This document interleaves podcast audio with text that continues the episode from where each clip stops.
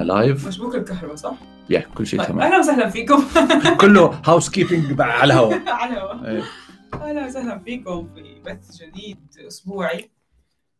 و- ونرحب فيكم. إيش هذا يا ياسر؟ ما عاد في أخبار. ما عاد في خير لا هو في أخبار بس آه، ما عاد في أخبار آه، محمسة ولا ما اعرف لسه. تونا في البداية قلنا تونا نقول بسم الله الرحمن الرحيم. شفت امس فوكس حاطين شفت صورة على تويتر وتبدو صحيحه كل الناس الحسابات الموثقه اللي حطتها.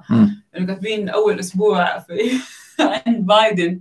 إيش واصفينه؟ إنه كارثي. آه هم قايلين. لا لا ما أعتقد. ما أعتقد. لا لا أعتقد هذه تركيب. مش تركيب الحسابات كانت موثقة اللي حطتها ما أدري مستحيل مستحيل. والناس كلها مفجوعه تقول إيش ال- هم هم على أي حال حي... أنا قلت البارح إنه الآن مع الإدارة الجديدة سي إن إن صارت فوكس وفوكس صارت سي إن إن. يعني طيب. تبادلوا الأدوار. فطبيعي جدا يعني آه، إحنا كنا نتفرج ذاك اليوم إيش كان الموضوع اللي آه ال inauguration. الحفل اللي في المساء آه الحفل الموسيقي اللي Yeah. عملوه قلنا خلينا نشوف فوكس وش حاطين أو يعني إذا ناقلينه. طبعا حولنا على فوكس ما لقينا ناقلين لا إيش لقيناهم حاطين حاطين شيء كان طريقه كذا شيء. كان كان برنامج يعني Yeah. بس إنه ما كان ما كان في أي آه، تغطية للموضوع. يعني شيء معروف يعني هذا. نفس الحكاية كانت مع سي ان ان مع طيب. قبل ما نتكلم اليوم في موضوع بدنا نتكلم فيه خلينا شوي كذا نرجع على حكاية حفل التنصيب بما انك تكلمت عنه الآن. إيه. السنة طبعا بشكل مختلف جاء مش عشان بايدن ولا عشان ديمقراطيين ولا عشان جمهوريين ولا عشان أي شيء. بس عشان كورونا Yeah. اللي هلك حياتنا فالمفروض كنا نتوقع نشوف الحفل. حضور آه. ورقص مم. كله أتغير مم. واحتفلوا من داخل البيت الأبيض. بايدن وعائلته مع ال fireworks بس مع الفاير ووركس كانت مرة فظيعة أيوة. كلنا حسينا فيها في المنطقة وطبعا آه، إيش كمان في الحفل؟ وكان في طبعا مطربين آه، يعني غنوا أغاني وكان في آه، مقاطع فيديو لأمور خاصة بالنظرة الجديدة آه، للإدارة للحياة مثلا موضوع المهاجرين موضوع العمال موضوع المدرسين وكيف لازم يعني الجوانب الحياتية الخاصة بالناس يعني. ف يا كان. حفل مختلف. كان مختلف. بس أنا تعرفي شيء أنا الشيء الوحيد اللي كنت أتوقع يصير وما صار مم. اللي هو الرقصة. أيوه أيوه اللي بين الرئيس ونائب الرئيس. هذه. كان إيه هذه كان أنا عن نفسي الحمد لله إنه ما ما صارت السنة لأنه ذكراها مع ترامب وزوجته كانت مرة يعني مشهد مضحك بالنسبة لي ومؤذي للعين بس أعتقد هو تقليد صار هو أمر Yeah. يعني صار موضوع تقليد إنه يا أنا عارفة بس أنا بقول Yeah. الحمد لله ما صارت السنة. التقليد هذا ما تنفذ. يا ما تنفذ. طيب وحفل التنصيب في النهار؟ حفل ليدي التنصيب جاجا إيه، يعني حفل التنصيب في النهار طبعا كان حفل عادي جدا زيه زي بعد يعني الحضور. إيه الشيء الوحيد اللي اللي مختلف كان موضوع إنه ما كان في حضور جماهيري يعني ما كان في ناس بس كان في أعتقد كانوا في حدود ال 300 أو حولها عدد المدعوين. آه يعني كان كان يعني كان في هذه البنت الشاعرة. آه اللي ألقت قصيدة جميلة جدا يعني كانت Yeah. وكان طبعا ليدي جاجا غنت ال- ال- السلام الوطني. وكانت وش اسمها هذه كمان جينيفر لوبيز يعني اللي كلها أنا أظن عشان يعني يجذبون شوي يمكن الشباب أو شيء من أنا وأنت ياسر لما شفنا كلمة بايدن كان عندنا يعني رأي عليها مختلف تماما عن كثير عندنا في العالم العربي ما أعرف ليش هنا. آه أحد المتابعين كتب إنه آه كلمة بايدن لم تكن مثل المأمول منها. أنا ما أعرف ليش شفت بعض الانتقادات على كلمة بايدن. والله ما أدري يعني وش ممكن تكون انتقادات شفتها كلمة جدا جيدة يعني ما شفتها آه كلمة بايدن كانت مؤثرة وكانت آه طويلة شوية بس آه فيها معاني مرة مهمة لأنه كان يتكلم عن لحظة ال- إعادة الاتحاد لبلد يعني شبه انقسمت المرحلة اللي فاتت. كلنا شفنا هذا الانقسام بعيوننا. فما أعرف ليش الناس شافوها إنها كلمة يعني حتى ما أتكلم عن نفسه بزيادة أتكلم أكثر عن الفكرة يا فما أعرف ليش في ناس كثير بالعربي مش بالإنجليزي انتقدوا آه. كلمة بايدن أنا أعتقد إنه يمكن ال- الكلمة ما أشارت يعني بشكل كبير للموضوع الخاص بال- بالجانب الدولي مم. يعني آه، قال جملة واحدة بس مم. كانت مهمة جدا قال إنه العالم يراقبنا. ورسالتي للعالم بأننا سنعود لتحالفاتنا مم. ولأننا نلعب دور آه، دورنا كأمريكان كدول كأمريكا في قضية السلام والنهوض بالأمم. مم. فيمكن هذه ما أشار يعني يمكن بعض الناس كانوا يبغون يشير إلى موضوع إيران أو يبغون يشير إلى موضوع الصين أو يعني عارفة يتكلم عن قضايا معينة. وطبعا لابد أننا نعرف إنه هذا الخطاب تحديدا هذا الخطاب اللي سيوثق في التاريخ كلمة كلمة الرئيس. فغالبا لن تتضمن قضايا مرتبطة بال- بالآني بالآنية بالأحداث الآنية لأنه يعني بعد مئة سنة ما قضية إيران مثلا يجب أن لا تكون مم. ذات حجم في في خطاب الرئيس في التنصيب. فهي كلام في الغالب هو كلام بالعموم كلام في الاستراتيجية العامة لأخذ البلاد قضايا الوحدة الداخلية يعني هو خطاب يعني ما هو خطاب سياسي بالمفهوم اللي هو يوصل رسائل هو رسالته الداخلية أكثر من أي شيء أي نعم على أساس إنه الخارجية كانت هذه الجملة فقط نعم. إيه بس بس الخطاب يعني ما أذكر إنه في يعني خطابات اللي اللي تركت بصمة. آه، في آه، في الحياة السياسية مثلا آه، وفي ال- في أمريكا يعني كان في إشارات مثلا. كلمة مثلا لريغن. كلمة للينكن كلمة ل يعني هذولي مم. فيعني الت- التاريخ وحده والزمن وحده اللي حيبين هل الكلمة هذه س يعني تصبح مرجع صح. ولا ولا تموت زيها زي كلمة فورد ولا كلمة كارتر ولا غيره؟ ولا ترامب. أي ولا ترامب أصلا يعني ما أذكر yeah. وكمان من الأشياء اللي مرة برزت هذه الأيام بعد حملة التنصيب كانت آه، ساندرز. ال memes حقتها أنا أنا على فكرة والله ما ينسى شفت أكيد شفتوها. أنا أنا شفت آه، تويتك بس صراحة أنا شفت واحد كذا ماسك الكرسي بس ما فهمتها. يعني ما يعني ما تابعتها أوكي أوكي. So- فماني عارف so اللي تفاصيله صار- وش. اللي صار إنه ساندرز هو آه، شخص شوية يعني وجه آخر لترامب عند الديمقراطيين. يعني الناس تحب تمزح معاه وتنكت عليه بزيادة.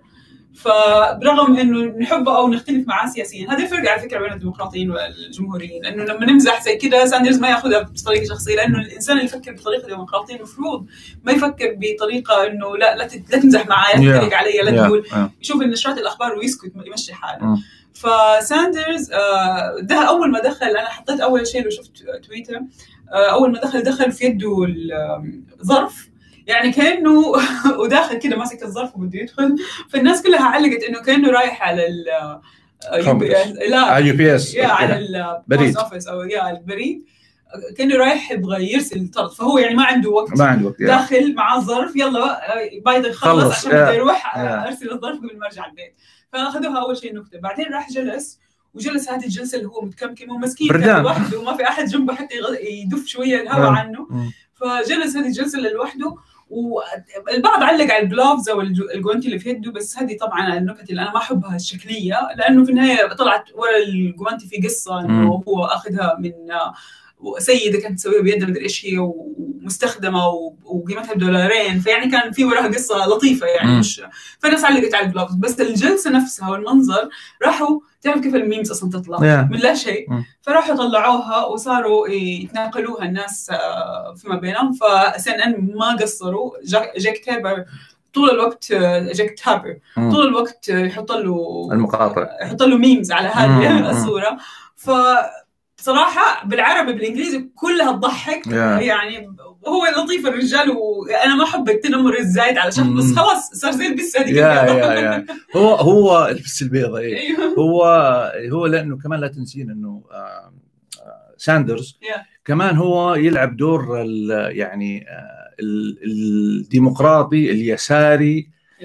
يعني اللي على الطرف ف وكأنه هو يقول إنه أنا إيش جابني هنا؟ إيش جابني. بهال بهالمكان؟ إنه هو ما ننسى إنه هو كان آخر واحد في مواجهة بايدن صح. قبل ما بايدن يوصل آه، فهو أصلا العين على ساندرز كبيرة يعني إنه حاضر وكيف نظرته. وإيش بيقول حتى على إليزابيث وارن كانت واحدة من الناس اللي ممكن تترشح في إدارة بايدن فكمان العين كانت معاها إنه هل هي جاية مبسوطة ولا في Yeah. قلبها شيء زعلانة Yeah, إنه حتى ما حطوها في أي شيء اي صح لأن لأنه هي زي ساندرز يعني ربما لو اقترحهم بايدن كان حيجد صعوبة في تمريرهم. يعني, يعني. صحيح صحيح والمتحدثة بال... في... باسم البيت الأبيض كمان من الناس اللي تقارن كثير بينها وبين آه شان سبايسر اللي هو كان أول متحدث رسمي باسم البيت الأبيض وقت ترامب آه مسك آه الرئاسة. وأول ليلة له التقليد إنهم يطلعوا ويجاوبوا على الصحفيين. فصارت في مقارنات مرة كبيرة بينهم. وإحنا كمان لاحظنا الفرق. فرق السمع عن الأرض. هذاك هذاك أصلا شون سبايسر جاي في إدارة إدارة صدامية. وهو نفسه رجل عسكري. يعني في الأساس شون سبايسر.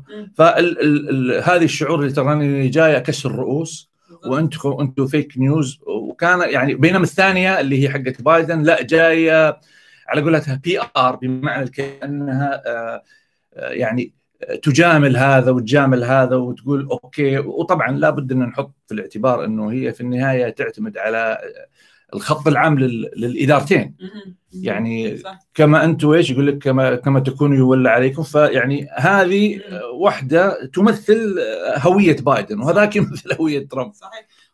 أنا بالنسبة لي لسه الاختبار ما بدأ. okay هي أول مرة على الأقل يعني شون سبايسر من أول آه، بيان أو مو بيان مؤتمر صحفي. Yeah. طلع وبدأ يضاربهم والحضور كان أكثر ويعني صداميه كانت باينه بس بس هي ممكن نشوفها صداميه في الأيام الجاية لكن حتى اللحظة الآنية محافظة على توازنها.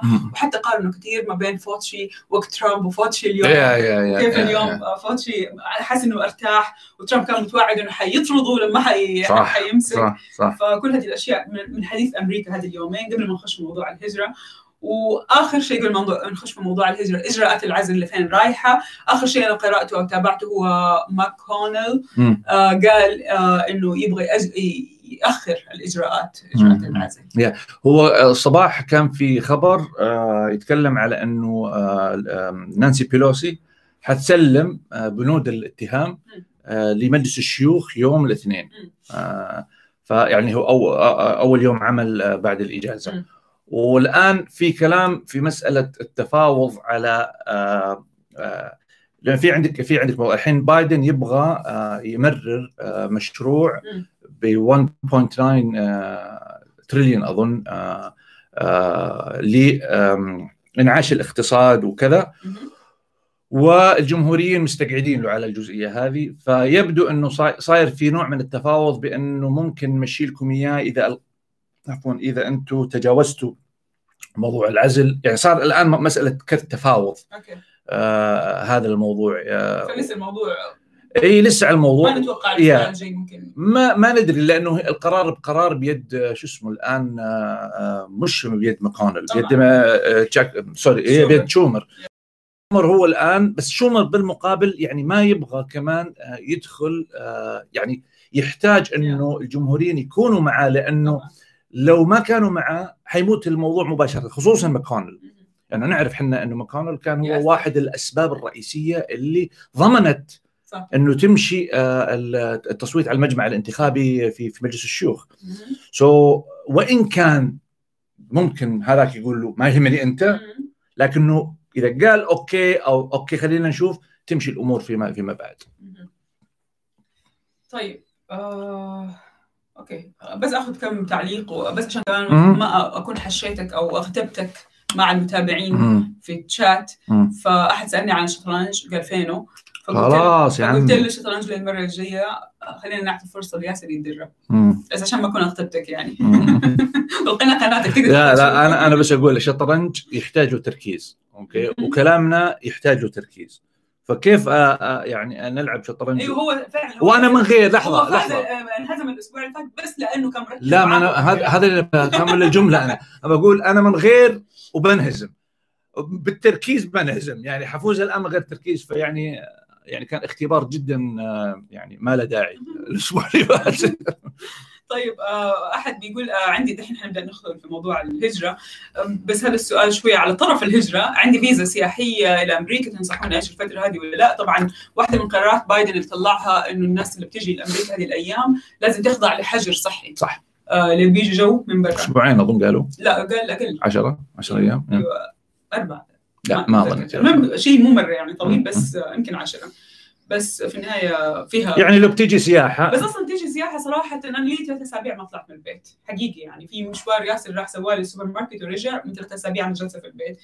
ما أعرف يمكن عشان منطقتنا كمان من بعد أحداث 6 من يناير ما بنطلع فما أعرف قد إيش أمريكا ممتعة هذه الأيام إن الواحد يجي سياحة. يعني ما عندك إلا trails ما عندك إلا أماكن مفتوحة بالمرة تروح تستمتع فيها أوتيلات بصعوبة كل حاجة بإجراءات معها يعني ما لم يكون عندك أنت خطة مسبقة أنت عارفها وش إنك أنت جايب يعني مثلا واحد يجي مثلا يبغى يسوي skiing مثلا. okay? فما لم يكن في مكان معين أنت تعرفه already حاجز وحتروح لل skiing أما إنك تيجي سياحة إنك تتمشى من مدينة لمدينة ولاية ولايه ما أنصح لأنه الآن يعني كثير من الأمور آه، مسكرة. وحط في البال يعني أنت حتيجي حيكون عزل. وغير كذا آه قبل العزل أصلا قبل القرار هذا كانت في ولايات already إذا أنت جاي من برا آه، ما ما لابد إنك تقدم شو اسمه هذا إثبات يعني الفحص okay? فحص طبي فحص الطبي إيه؟ فالحركة في أمريكا الآن آه وإذا أنت جاي ما لم يكون عندك هدف مباشر واضح ما أنصحك تجي.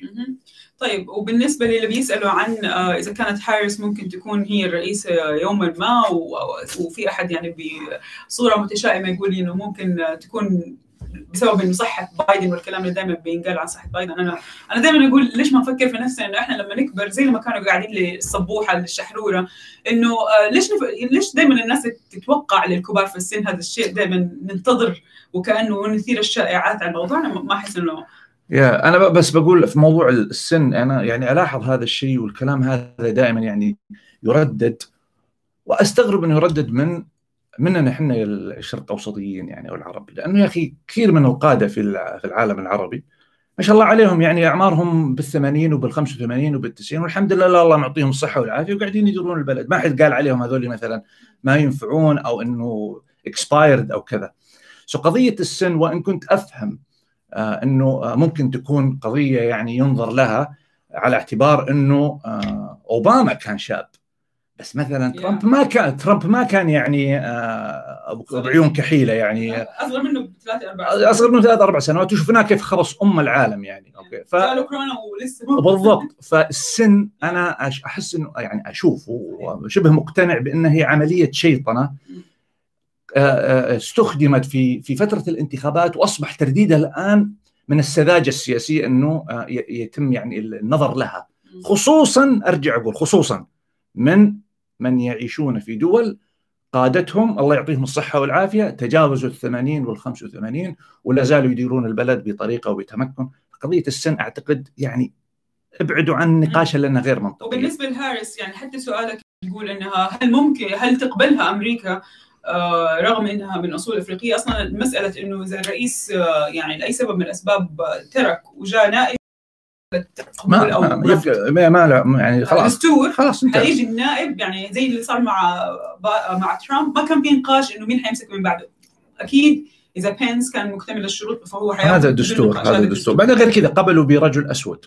أوباما يعني ما حيقبلوا بمراه سيده وسود لا لا, لا إيه هذا عادل إيه هذا يعني طيب. يقول نقبل في هيلاري بس لا نقبل بهذا. أيوه يعني. سيء وكمان أيوه إيش إيش المصيبة دي كلها هذه مشكلة إنه خرجنا من بعد مرحلة ترامب. حقيقي نحتاج ل 10 سنين قدام عشان نغسل هذه الأفكار. ما بتكلم عن التعليق تحديدا أنا أتكلم عن الناس بشكل عام اللي تتكلم عن إنه السود ولا ولا سيدات ولا إلى آخره. حنتعب شوي عشان في في, في يا ميسة آه، بعض الأفكار اللي تم غرسها خلال أربع سنوات وبحكم إنه كثير منها كان آه، كانت من طبعا من ترامب وفي تويتر وتم تبنيها من أشخاص في العالم العربي لأنهم يؤيدون آه، ترامب باعتباره ترامب يؤيد مثلا قيادات معينة ولا دول معينة. فصارت العملية وكأنه ترامب عنده مروج للأفكار في العالم العربي. فأصبحت قريبة و... يعني الآن لو تجي تسألي أحد إيش كانت أفكار بوش؟ ما حد حيعرف. يعني الا الا المتابع. إيش أخبار إيش إيش أفكار أوباما؟ قال لك صديق إيران.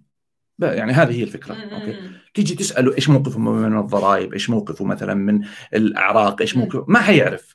لأنه ملقن بالشيء اللي من يوجه الرأي العام عندنا في العالم العربي يبغى يبغى ياخذك بذاك الاتجاه. فهذه هذه هذه الكلام اللي إحنا نسمعه نفهمه إنه يردد ولكن نقول ترى الصورة مش مش بهذه الطريقة اللي تعتقد إنه هي هذا هذا هو الموضوع. بس. نكمل شوي مع بعض الأسئلة ولا زي ما تبغين زي ما تبغين. نكمل بسرعة. ما هي يعني عندك مثلا سؤال بيقول لك إنك ذكرت سابقا إنه أمريكا ستحاول ترك المنطقة اللي هي الشرق الأوسط وجعلهم تحت إسرائيل بمقابل إيران. وتن وتتقضى تفضى يمكن للصين. آه، هل تتوقع هذا حيحدث في فترة بايدن الحالية؟ أنا أتصور إنه هي هي بدأت أساسا من فترة آه، من فترة ترامب. وهذا ما هو بقرار آه، متروك لرئيس.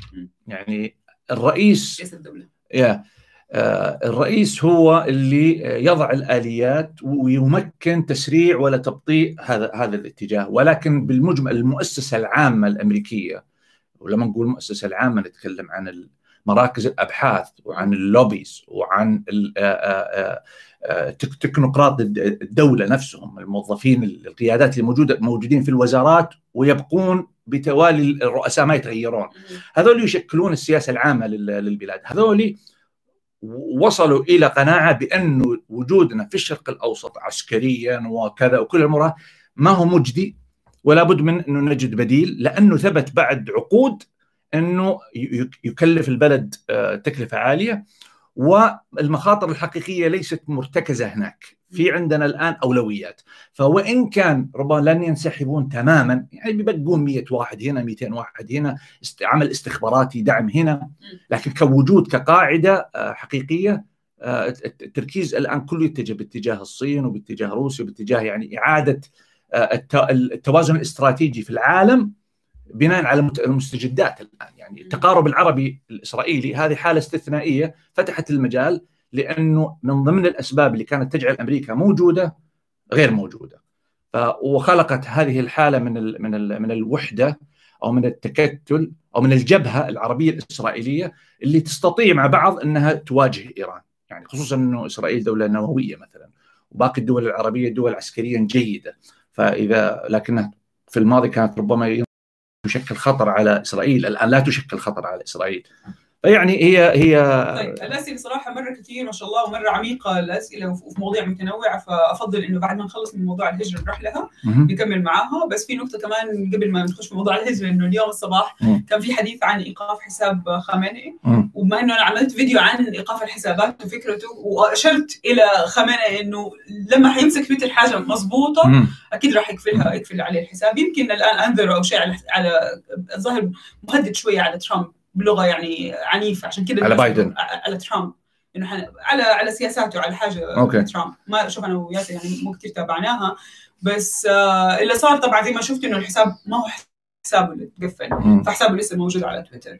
آه نبدأ مع السؤال الوحيد تقريبا اللي جاني عن موضوع الهجرة حتى الآن. آه وراح أرجع لأسئلتكم كلها إن شاء الله. راح نناقش كل المواضيع اللي طرحتوها. بس آه إيش موضوع تجنيس 11 مليون مهاجر؟ شوف ال ال المعلومات كيف توصل بالعربي؟ يعني توصلهم تجنيس 11 مليون مهاجر. أوكي شوف أنا أنا آه، يعني آه، وأنت يا ميسا أبناء المنظومة الإعلامية. يعني تعلمنا في الإعلام واشتغلنا في الإعلام. وهذا تماما اللي لما يقول لك إعلام مضلل أو أحيانا يكون إعلام آه، غير غير غير مهني أو أو غير واعي أو أو موجه. إنه ياخذ لك الفكرة بكل بساطة. هي ما هي تجري ناخذها ناخذها أيوة. بدرجات. الفكرة هي إنه أنت عندك 11 مليون آه، مهاجر غير شرعي. يعني عندهم مشاكل في التوثيق ويكلفون الدولة آه، ويكلفون الدولة ماليا وامنيا وما إلى ذلك. الكلام اللي يقولونه الجمهورية. فهو يقول لك هذول الآن أصبحوا من ضمنهم هذول أبناء ولدوا في أمريكا. أوكي؟ والنظام يسمح لمن يولد في أمريكا إنه ياخذ جنسية. بس لأنه هذول أبهاتهم ما لهم اوراق ما أخذوا الجنسية. ولكن الروح القانون يقول إن هذا المفروض ما دام ولدوا هنا ياخذوا جنسيه خصوصا إنه جزء كبير منهم ما يعرف بلد إلا هذا البلد لأنه من يوم ما هاجروا أهاليهم بطريقة غير شرعية ولدوا ما يقدرون يرجعون أهاليهم لأنه لو رجعوا ما عاد يرجع ما يقدروا يدخلون ثاني مرة أمريكا. هذول زي زي اللي كانوا يسمونهم عندنا آه، في السعودية وفي العالم العربي إيش كانوا يسمونهم؟ أي المخالفين المخالفين. فبايدن وش يقول؟ الاداره يقول لك إنه هذول يجب أن اولا أن نجد لهم مسار لوضعهم ضمن النظام وتوثيقهم لأنه هم أمر واقع. أوكي؟ ولما نحولهم إلى مهاجرين نظاميين. هذا يعني في تأثير على الاقتصاد البلد لأنك أنت بالتالي حتصير تضمن منهم الضرائب كاملة فهم مصدر دخل. ضف على ذلك يدخلون في آه، التعداد السكاني وبالتالي يصبح أسهل على الحكومات المحلية والفدراليه انها تعمل مشاريع واضعة في عين الاعتبار الكثافة السكانية الحقيقية. طبعا الديمقراطيين لهم هدف خبيث من هذه المسألة كلها. حنتكلم عنه. أوكي؟ فالآن على على نهاية المطاف ال 11 مليون هذول إذا تحولوا إلى شرعيين وإذا خدموا بالطريقة الصح وعلى تواترية نعرفها يصل في النهاية إلى أنهم قد ياخذوا الجنسية، قد ياخذوا ما في ناس إحنا نعرف ناس عشر سنوات عاشوا هنا وأكثر ما قدروا ياخذوا الجنسية مع أنهم عندهم ال green card ومقيمين بطريقة. so so, ال ال ال في حالات إنه اللي عنده إقامة لا يعني بالضرورة إنه آه، آه، طيب. يستطيع أن يأخذ الجنسية لكن هذه هي الفكرة بشكل عام. طيب. يعني مش بايدن اللي حيسويها. يعني لو هذول ال 11 منهم أخذوا الجنسية ممكن يأخذونها بعد 20 سنة. طيب آه تع- برضو سؤال أو تعليق. ما هي تفاصيل السماح للدول ذات الأغلبية المسلمة؟ ما فهمت شيء.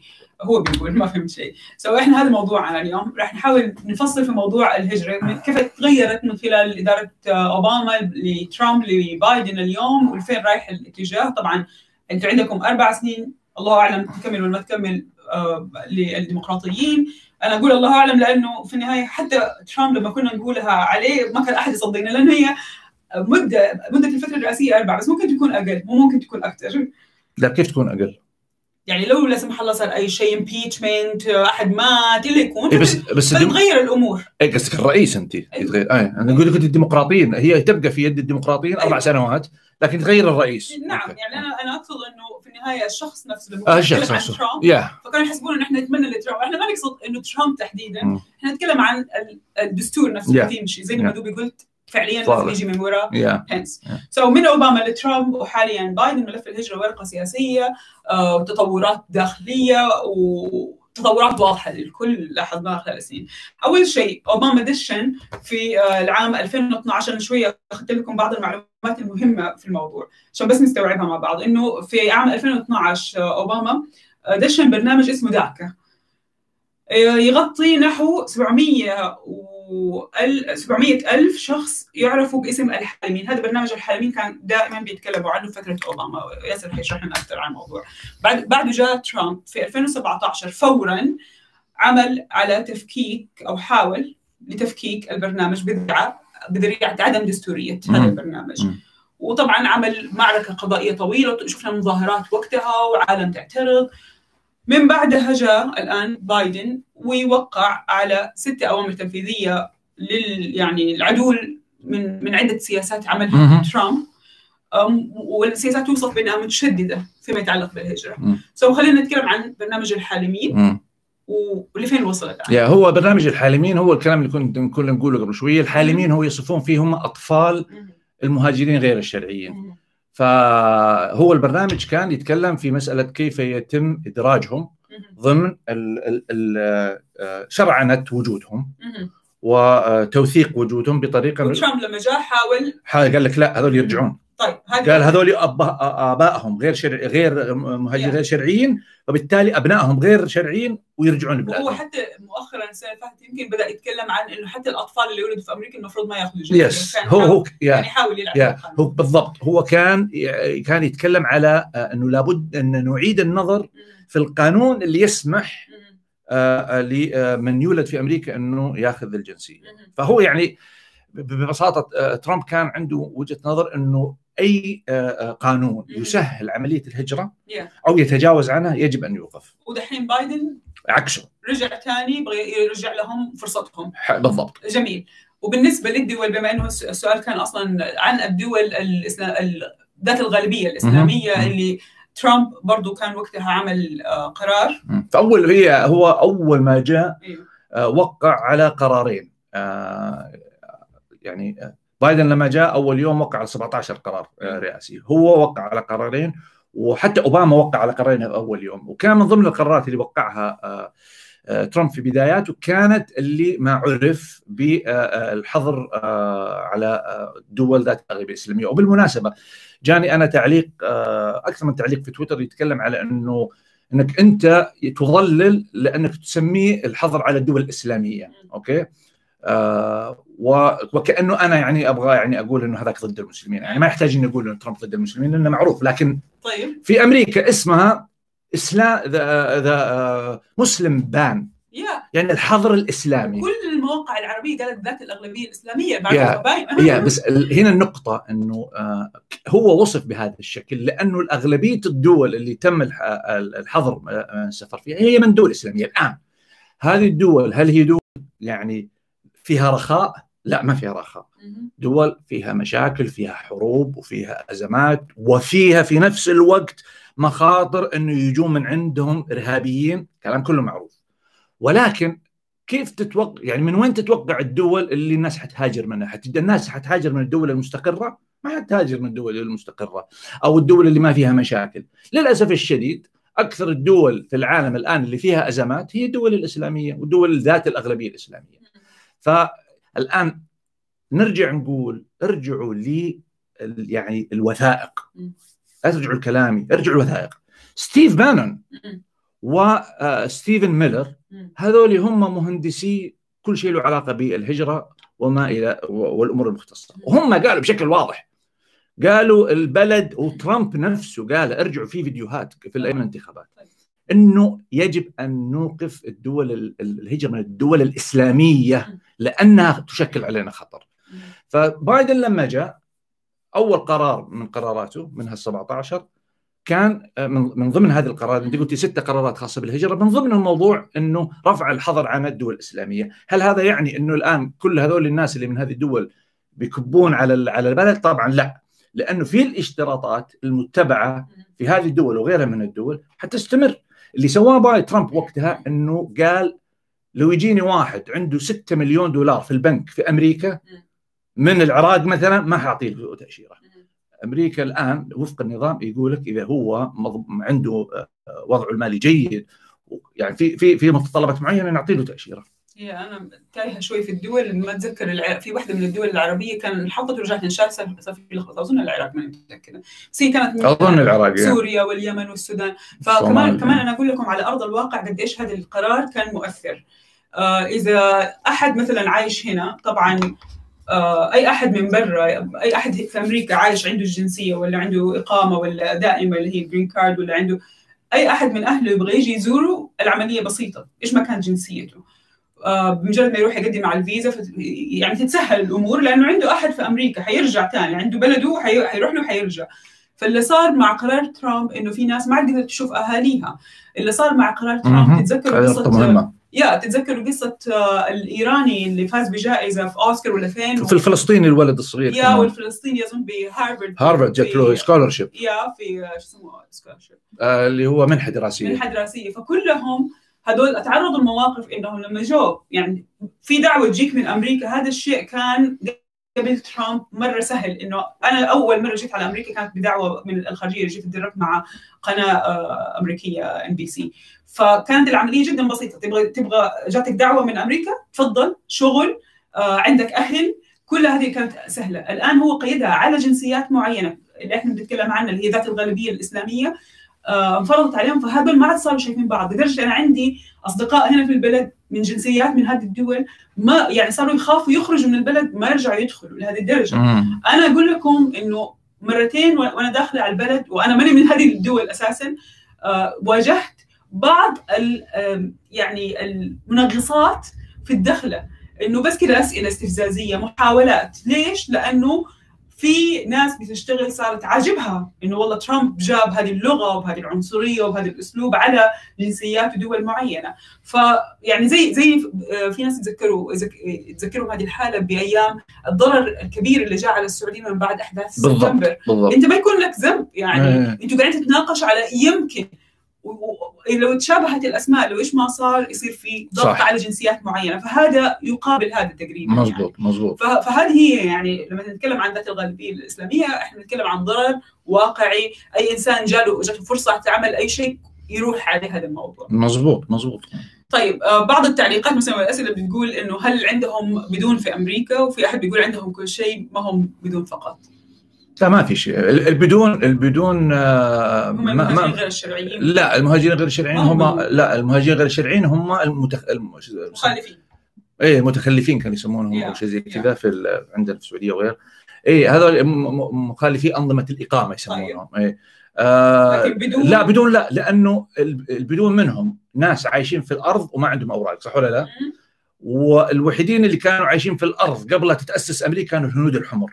بل بالعكس. من يصنفون بدون يعني وفق الحالة التاريخية هذول أشخاص آه، آه، يعني مثلا في الهنود الحمر مثلا لهم استثناءات فقط لأنهم هنود حمر. يعني مثلا عندهم قوانينهم الخ... أو لا تطبق عليهم القوانين الفيدرالية والقوانين المحلية في مناطق سيطرتهم مناطق القبائل حقتهم. يقول لك هذول لا هذول عندهم استثناء. وهذا طبعا مبني على قانون صدر من الكونغرس من زمان يعني أعتقد في العشرينات يمكن أو الثلاثينات حاجة من القبيل فدستوريا الهنود الحمر يعني كمكون في آه، آه، النظام السكاني والنظام الأمريكي لهم استثناءات أفضل. يعني زي زي التغل... إنه والله أنتم أهل البلد الأصليين نعاملكم بطريقة أفضل. فلا ما في بدون في أمريكا. آه، في سؤال لطيف بيقول إنه عرفنا إنه الجمهوريين ضد المهاجرين والديمقراطيين العكس لكن إيش الولايات اللي فيها حالات تتهم إنها ضد المهاجرين؟ وإيش الولايات اللي يرتاح فيها المهاجر آه، سكانهم آه، ودودين؟ إيه أنا شوف عندي فيديو تكلمت فيه عن أظن عندي فيديو أتكلم عن موضوع أي الولايات أكثر عنصرية من الولايات الثانية. في أنا ما أتذكر هذا الكلام من زمان. يعني معروفه مثلا تكساس. تكساس من الولايات اللي يعني يفترض إنه أغلبيتها بيضاء وفيها لا إيه إيه نظرتك حسب بتقول لا لا لأنه فيها لأنه فيها نسبة مكسيك قريبه في في ولايات أكثر سوءا من تكساس. تكساس ما تعتبر لا لا لا أنا أتكلم هو أرجع للسؤال. آه. هو يقول لك مين سكانها ودودين يعني هو لو مثلا يفكر يهاجر يبغى يروح على ولاية ما يكون فيها آه عنصرية ما يكون فيها ضد المهاجرين. هذا أفهم من سؤاله. فتكساس واحدة من الولايات اللي فيها نسبه عرب كبيره بس أكثرهم في هيوستن في الأماكن اللي شوية آه هيوستن واحدة من المناطق الاقرب للديمقراطية في داخل تكساس. Yeah, yeah. ففي آه، مدن في داخل الولايات أحيانا تكون منفتحة أكثر من غيرها. مثلا آه، سياتل ولوس أنجلوس هذه معروفة إنها مرة منفتحة. سان فرانسيسكو آه، بوسطن كلهم معروفين إنهم مرة منفتحين على المهاجرين ما عندهم مشاكل. شفناهم حتى وقت قرار ترامب كيف في نيويورك في وراحوا معاهم المطارات ووقفوا ورفعوا يافطات فهذا هذا التعاون نشوفه. بس كنا دخلت على الداخل. هو أنا أختصر لك إياه بكل بساطة. زي ما قالت ميسا روح كل ما رحت على الأطراف اللي هي المدن والاطراف السواحل والمدن ال metropolitans الكبيرة. المدن زي اللي هي ديمقراطية في الأساس أوكي؟ هذول اللي ما حيكون عندك مشكلة. بس كل ما رحت باتجاه الوسط في آه، آه، الولايات ذات الأغلبية الجمهورية واللي هي تعتبر ال آه، ال يعني المناطق اللي فيها عدد سكان أقل ولكن مساحتها الجغرافية أكبر. okay؟ هذول تزود فيهم يزود فيهم معدل العنصرية ضمن عشان كذا تلقى أنت مثلا الديمقراطيين أماكن امتدادهم في هذه العواصم الكبيرة اللي فيها التجارة لأن هذه تجذب المهاجرين. okay؟ ف yeah طيب الأطفال اللي محبوسين في الحدود حدود المكسيك إيش حصل لهم؟ للآن ما صار شيء ولا؟ والله ما ما ما أذكر بالضبط بس هي هذه واحدة من القضايا اللي كانت حتى حسبت على بايدن على على. أوباما آه. لأن هي من آه. أيام أوباما كان في كان في إشكالية إنه اللي وضع ال ال ال الاقفاص هذه ووقفهم كتوقيف مرحلي. كان من أيام أوباما بس ما كان فصلهم اي ما كان فصلهم بالضبط هم جاء ترامب فصلهم هنا صار في بالضبط بالضبط وهذول كانوا هاجروا هم لسه كبار يعني ما كانوا صغار يعني yeah. كمان yeah. فهي أتوقع الفترة الجايه حتبين أكثر yeah. وهل عدد قبول المهاجرين محدود أم مفتوح؟ أنا عارف محدود اي في كوتا yeah. آه آه في كوتا تتغير بين فترة وفترة والخارجية يعني وأمريكا تحددها لدول معينة آه، اللي آه، يعني يبغون يجتذبون منهم آه، المهاجرين. وزي ما قالت ميسه في البداية في مكونين رئيسيين يبنى عليهم قضية الهجرة. الأول اللي ذكرته ميسه لموضوع الأقارب والأمر الآخر موضوع الكفاءة. يعني لما واحد يبغى يهاجر إذا عنده أقارب ينظر في حالته ويشوفون بعدين كفاءته. والأمر الآخر نفس الشيء لو في واحد من ذات كفاءة عالية جدا بس يمكن ما عنده أقارب بس يقول لك هذه هذا لقطه نجيبه. إذا اجتمعوا الاثنين هذا ال top. عشان كذا وهذه نقطة أعتقد مهمة. عشان كذا شوف نسبة الهنود اللي أصبحوا يشكلون مكون رئيسي من الديموغرافيا الأمريكية اليوم. يعني نشوف إحنا مثلا هذه كمالا هاريس امه هندية. يعني الآن أصبحت يعني خوال نائبة الرئيس هنود okay؟ وفي الأخبار تشير إلى أنه الآن في أكثر من 15 أو 17 قيادي في البيت الأبيض امريكان من أصول هندية. ونعرف جوجل رئيسها هندي في الأصل. الهنود معروفين إنهم يعني عباقرة. يعني الهند في السنوات العشرين الأخيرة أصبحت دولة عظمى بكل معنى الكلمة. مش مش بالهياط بالكلام الحقيقي أصبحت دولة عظمى لها لها مكانتها لأنهم عندهم النوابغ وبالتالي هذا يعطيك انطباع قديش ال ال ال ال الكفاءة عنصر رئيسي في اجتذاب المهاجرين نعم. في أمريكا. وليست المسألة إنها مفتوحة يعني على كل من هب ودب يعني دائما الافضليه لهم. بالضبط. آه قبل ما نروح على السؤال أو التعليقات بس آه شكرا لكل أحد بيحط لنا لايك ولا ما حاط يا ريت يحط. إي والله. إي والله. تكفون. طيب. حطوا likeين وتعال هزئوني في تويتر ما عندي مانع بس حطونا. طيب آه في تعليق أو سؤال بيقول إنه هو يمني وجاء لامريكا وقدم على TPS. طبعا إحنا مو مرة متخصصين في مو... وإحنا هنا مو بنناقش مسائل كيف تسووا إيش تسووا بس هذا السؤال يعني يبدو إنه ممكن نجاوبك عليه.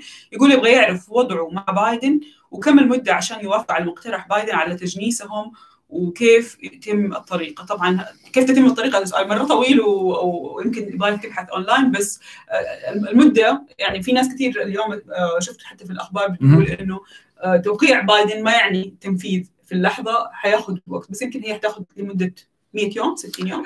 هو الآن هو راسل الآن مشروع قرار مشروع قانون للكونغرس. م. وهذا طبعا الآن حيدخل في معترك الحرب السياسية والتفاوض بين الديمقراطيين وبين الجمهوريين. زيه زي أحد القرارات الجدلية الكبيرة في تاريخ أمريكا الحديث اللي هو موضوع الاوباما كير كمثال. فهذه قضية مفصلية لأنه الجمهوريين يختلفون بشكل الآن الجمهوريين ممكن يقول لك والله إحنا ما حنرفضه تماما لكن لابد تحدث تغييرات في المشروع اللي يقدمه بايدن يكون مكتوب وفق آلية معينة ومرحلة معينة. يجون الجمهوريين يقولون شوف بالمجمل إحنا ما عندنا مشكلة لكن عندنا هذا البند هذا البند هذا البند عندنا مشكلة. أو يجي يقول لك والله كله على بعضه ما عندنا مشكلة لازم نتفق نتفق على كيف نتعامل. فما يمكن إن نجاوبك نقول لك بالضبط حيطلع أو حيحقق بهذا التاريخ لأنه هذا متروك الآن لمداولات ومفاوضات واللعبة السياسية خصوصا إنه في ملفات أخرى. كذلك الآن يمكن الجمهوريين يتفاوضون عليها الضغط على التعديل. ف أنت الآن سألت سؤال خاص باللعبة السياسية اللي ما أعتقد أحد ممكن يجاوبك عليه. يعني يعطيك تاريخ معين متى ممكن ينفذ. طيب نروح على تكملة الموضوع. أنا حرجع بعد الاسئله وفي أسئلة كمان مهمة عن موضوع الهجرة. أنت تطرقت لنقطه إنه الديمقراطيين مستفيدين من هذه من قوانين الهجرة هذه yeah. بشكل خبيث وصفته تفضل. okay. الجمهوريين sorry الديمقراطيين عندهم استراتيجية واضحة جدا في كيف يبنون قواعدهم الانتخابية والموالين لهم. نعرف تماما انه هم تاريخيا الحزب الديمقراطي كان يعارض تحرير العبيد بينما كان الحزب الجمهوري أيام لينكولن هو من عمل على تحرير العبيد. اليوم وتكلمنا عن هذا الأمر أكثر من مرة تغيرت الأدوار خصوصا لما جاء الرئيس جونسون ووقع على قانون الحقوق المدنية أيام مارتن لوثر كينج. وأعطى مجال للحزب الديمقراطي على أنه يتحول جذريا. طبعا وقتها كانوا حتى الديمقراطيين ضد القرار هذا يعني كان الحزب الديمقراطي حزب عنصري إلى حد كبير يعني أكثر من الجمهوري. وهذا القانون لم ينجح إلا بمساندة جمهورية فشوفوا سبحان الله كيف تغيرت الظروف كيف تغيرت اليوم بعد تراكمات سنوات عشرات السنوات يمكن 40 50 سنة الأخيرة اتجه الحزب الديمقراطي إلى تغيير توجهه وعرف إنه بإمكانه أنه يستقطب ويصبح له قاعدة أكبر من خلال التركيز على الأقليات. بدل التركيز على الفكرة الأساسية العنصرية اللي أساسا ما كانت عنصرية من ناحية يعني عرقية هي لها كان لها من ناحية اقتصادية. يعني هم ما كانوا يبغون يحررون العبيد لأن هم أصلا كانوا أغنياء ويعتمدون على العبيد في في التجارة حقتهم أوكي في الزراعة وكذا فانتفت هذه القضية الآن مع الثورة الصناعية وما بعدها وصار قضية إنه العبد بين قوسين أو النظرة الفوقية العنصرية ما لها ما لها مجال. اليوم الديمقراطيين يهدفون إلى أنه يركزون على هذا زيادة أعداد الهجرة وتحويلهم إلى مواطنين لأنه الأرقام تقول بانه أغلبية المهاجرين يصوتون ديمقراطي، ليش؟ لأنه الديمقراطي ي... هذول المهاجرين اللي جايين جو ليش؟ سياسيا أو هاربين آه، آه، لظروف معيشية وهذول الاثنين اللي هاربين في الغالب عندهم مآخذ على الأنظمة اللي جايين منها والغالب الأنظمة اللي جاي منها هي أنظمة ديكتاتورية أو أنظمة شمولية أو أنظمة سيئة أو فاسدة أو ما إلى ذلك. ويجدون أن الحزب الديمقراطي دائما يركز على مسألة أنه الديمقراطية ولازم حقوق. ويجد هذا الشخص اللي كان 30 سنة من حياته ما له أي صوت ولا يشارك ولا شيء ويجي في بلد يجد نفسه بين يوم وليلة زي مثلا إلهان عمر تصير عضو مجلس النواب وتحاسب الرئيس تشعر إن هي والله هذا هو الحزب حقه. طبعا إلهام مجرد مثال يعني فقط عشان أقرب الصورة. فالديمقراطيين هدفهم في الأساس هو لأنه يعلمون تماما بانه رسالتهم كحزب وما يراهنون عليه كحزب من الناحية السياسية والخطاب والأيديولوجيا تتوافق ويعني تغري المهاجرين. وبالتالي كل ما زادوا المهاجرين كل ما ضمنوا على المدى البعيد إنه يكون عندهم آه، آه، آه، ناخبين أكثر. والأرقام اليوم يعني المسجلين ديمقراطي أعدادهم أكثر من المسجلين جمهوري. الجمهوري مشكلته إنه لا زال عالق في مبادئ من من من الستينات والسبعينات ولا هو راضي يجدد لما حاول إنه يتجدد جاء ستيف بانون وطق وطقاته من الخلف الكواليس وجابوا واحد زي ترامب فرجعوا ثاني مرة للاتجاه الشعبوي. فرجع زيادة بدل ما يتوافق على إنه والله الظروف تغيرت الديموغرافيا في البلد تغيرت يجب إنه إحنا نركز على إنه ما نخلي الأقليات كلها اللي نقطة أخيرة فيما يتعلق بالعرب المهاجرين. آه، آه، في آه، علاقة الديمقراطيين معهم لابد أن نضع في عين الاعتبار انه العرب المهاجرين ليسوا كلهم مع الحزب الديمقراطي الأغلبية من المسلمين أوكي يصوتون ديمقراطي لأنه أسباب هروبهم من من أو أو أو هجرتهم بالأحرى لها علاقة بقضايا لها علاقة أما بالحريات أو بالنظرة لدولهم طيب. بالفساد. المسيحيين لا المسيحيين العرب أكثرهم جمهوريين ليش؟ لأن الجمهوري الحزب الجمهوري أقرب إلى المحافظة المسيحية وبالتالي هذول العرب المسيحيين لأنهم يشعرون بأنه في لغة مشتركة هم هم كانوا هاربين ربما من اضطهاد ديني. فلقوا الحزب اللي يتكلم زيهم دينيا فهم يميلون للحزب الجمهوري أكثر. ولانك ولأنك قلت إنه العرب المسلمين آه، غالبيتهم مع يعني العدد الأكبر يعني. العدد الأكبر. فخليني أفكر إنه ليش العدد الأقل ما معاهم؟ بس هذا الشيء خليني دائما أتذكر النقطة اللي أنا دائما أفكر فيها إنه لما نشوف مثلا الأحداث اللي صارت في أمريكا كيف الناس كانت في تويتر تتفاعل على إنه يستاهلوا اللي يكون. أنا ما عندي مشكلة إنك أنت تختلف مع توجه بلد سياسيا. إيش ما كان سياستها. أنت تختلف مع بايدن الآن مع ترامب سابقا اللي يكون تختلف مع هذه الإدارة. تعتقد عندهم نظريات مؤامرة تعتقد انه في دولة عميقة تمشيها تستهدفنا إحنا في العالم العربي. ده كله من حقك تفكر فيه.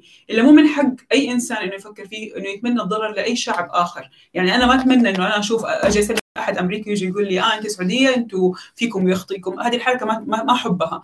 ما أحب إنه أحد يتكلم عني وعن الناس اللي أنا منهم إنهم والله جاهلين ما يفهموا يستاهلوا آه يتكلم عنهم إنهم إرهابيين يتكلم عنهم أي صفة من هذه الصفات طبعا تأذيني. فأنا ما أشوف إنه المفروض إحنا كمان كشعوب عربية المفروض ننظر للشعب الأمريكي أو نتمنى له السوء أو ما لهم علاقة الشعوب هذه من ناحية. بس من ناحية إنه لما نجي نصوت آه، كمسلمين آه، لشخص هو بيحد آه، يعني هذه واحدة من الملفات ممكن يكونوا هم مبسوطين المسلمين هنا في أمريكا ممكن يكونوا مبسوطين من قرارات ترامب في كل شيء وعدا هذا الملف اللي هو اعاق وصول اهلهم أو اللي يكون. بس إحنا نعرف إنه إحنا في الشعوب العربية نهتم كثير بموضوع الهجرة سواء لأمريكا ولا الدول الأوروبية ولا الكندا ولا اللي يكون في عندنا ناس مرة كثير زي ما أنتم شايفين السؤال إحنا ليش اليوم اخترنا هذا الموضوع؟ لأنه جاتنا أسئلة مرة كثير عن أنتم كيف عايشين؟ طب إحنا لو بدنا نيجي دائما دائما تيجي أسئلة عن الهجرة.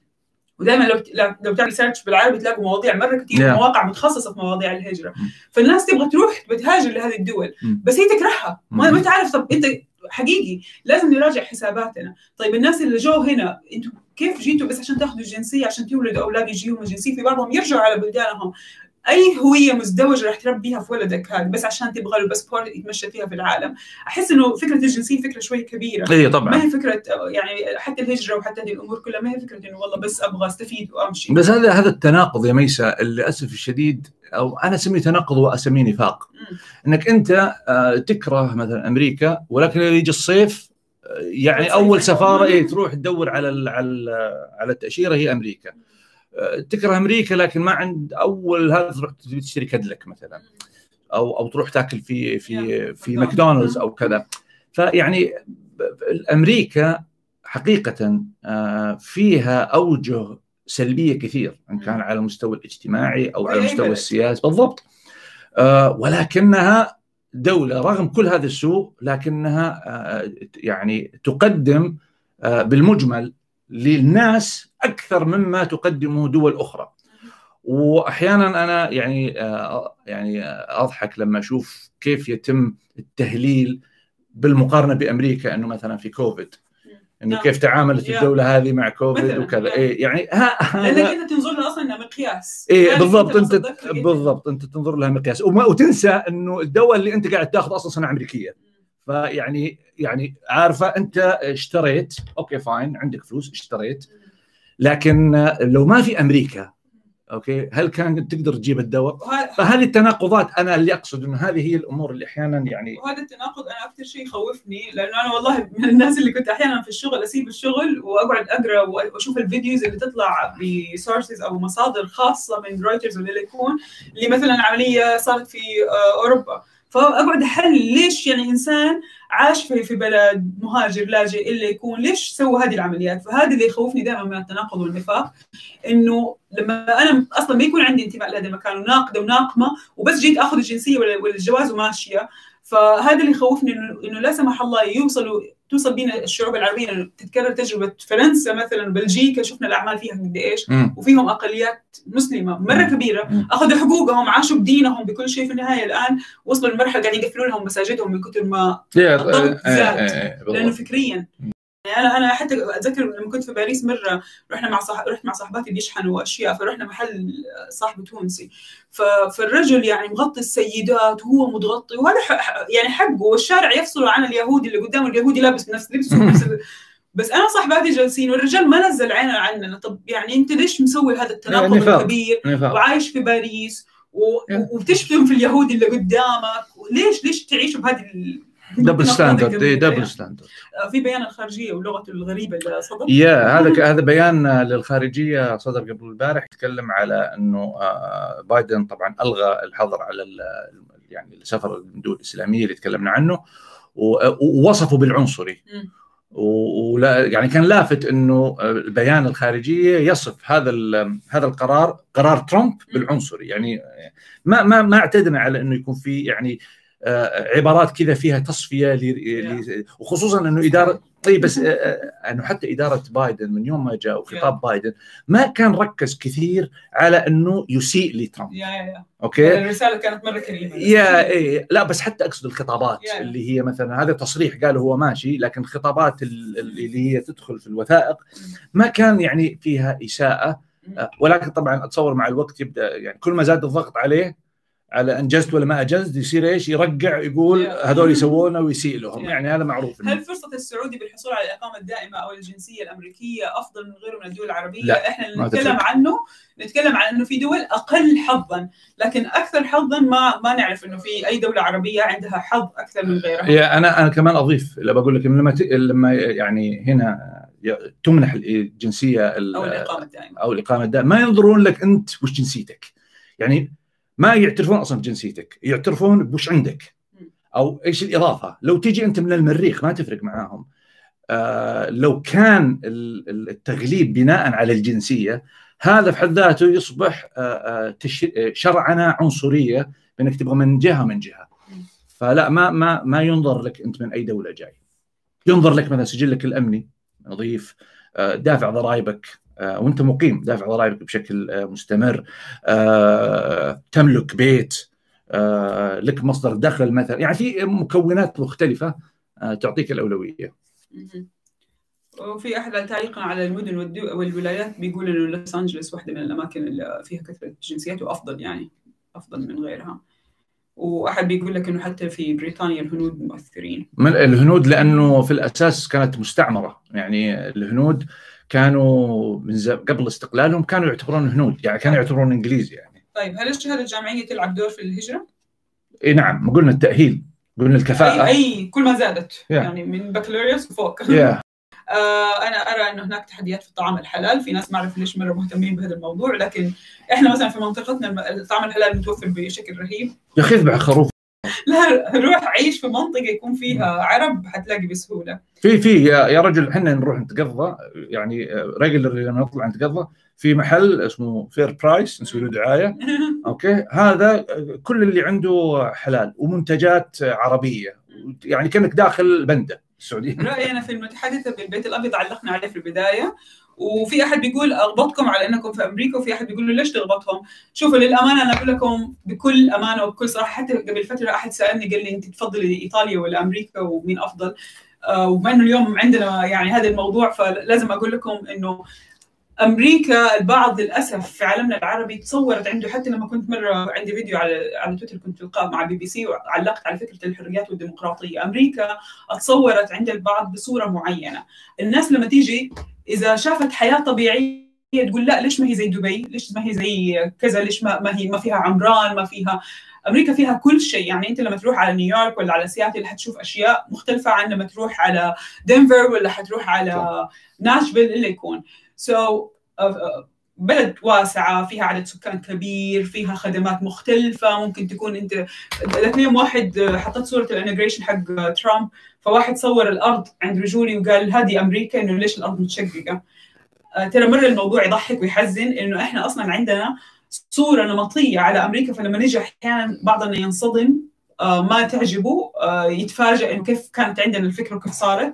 فأنا أنا أقول لك إنه يمكن أنت تغبطنا لأنه أنت شفت صورة معينة. أتمنى إنه الصورة الواقعية أتمنى إنك أنت تكون في يوم من الأيام زرتها أو شيء عشان تعرف إذا كان يستحق الغبطة أو لا. آه أنا أشوف إنه يس أمريكا من الدول اللي ارتحت فيها الحمد لله وفيها أشياء مميزة كثير بس فيها أشياء جدا طبيعية زيها زي أي بلد. واحدة من الأشياء صدمتني في البداية كانت المواعيد واحدة من الصور النمطية اللي حفظناها على أمريكا والأمريكان انهم مره في مواعيدهم دقيقين فظيعين.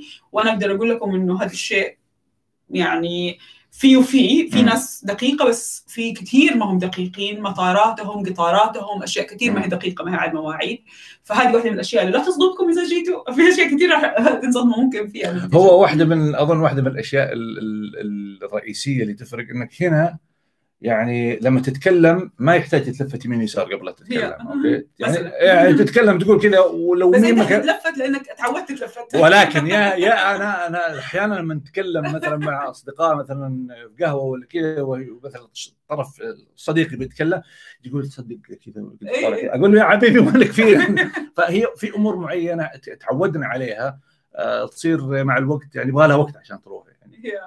في أحد بيقول الهجرة بغرض المصلحة ويكرهوا أمريكا ويهاجم يكرهوا أمريكا ويهاجموها من خلال الإنترنت بشخصيات عديدة وغريب. هذا يحدث.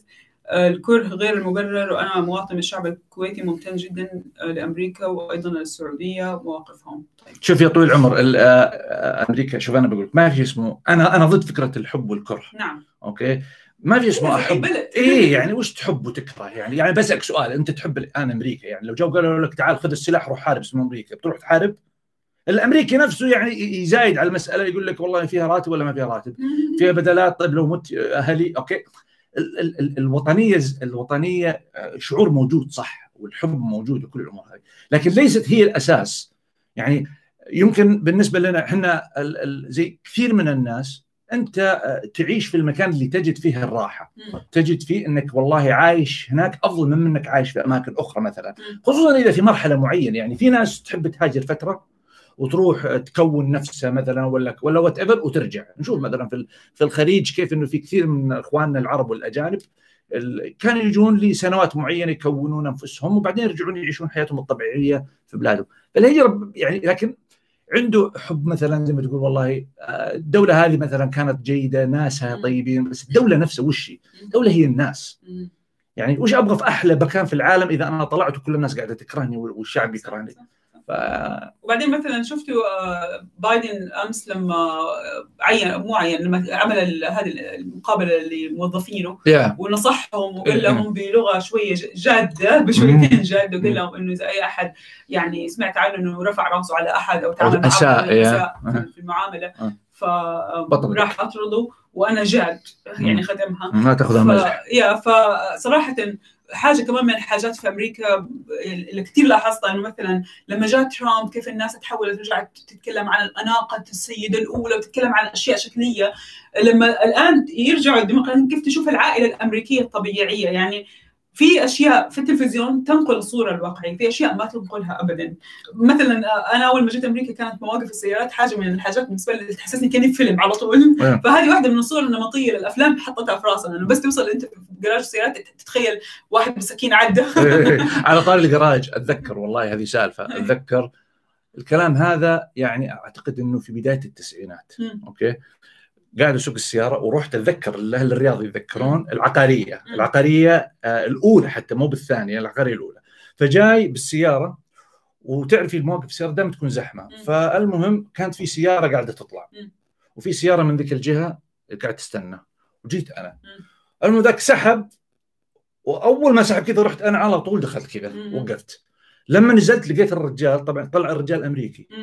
فطلع ويطالعني وكذا فقلت له كذا كان وقتها يعني عمري ما أدري 19 سنة ولا يعني ال- يعني عدم الاحترام خلينا نقول.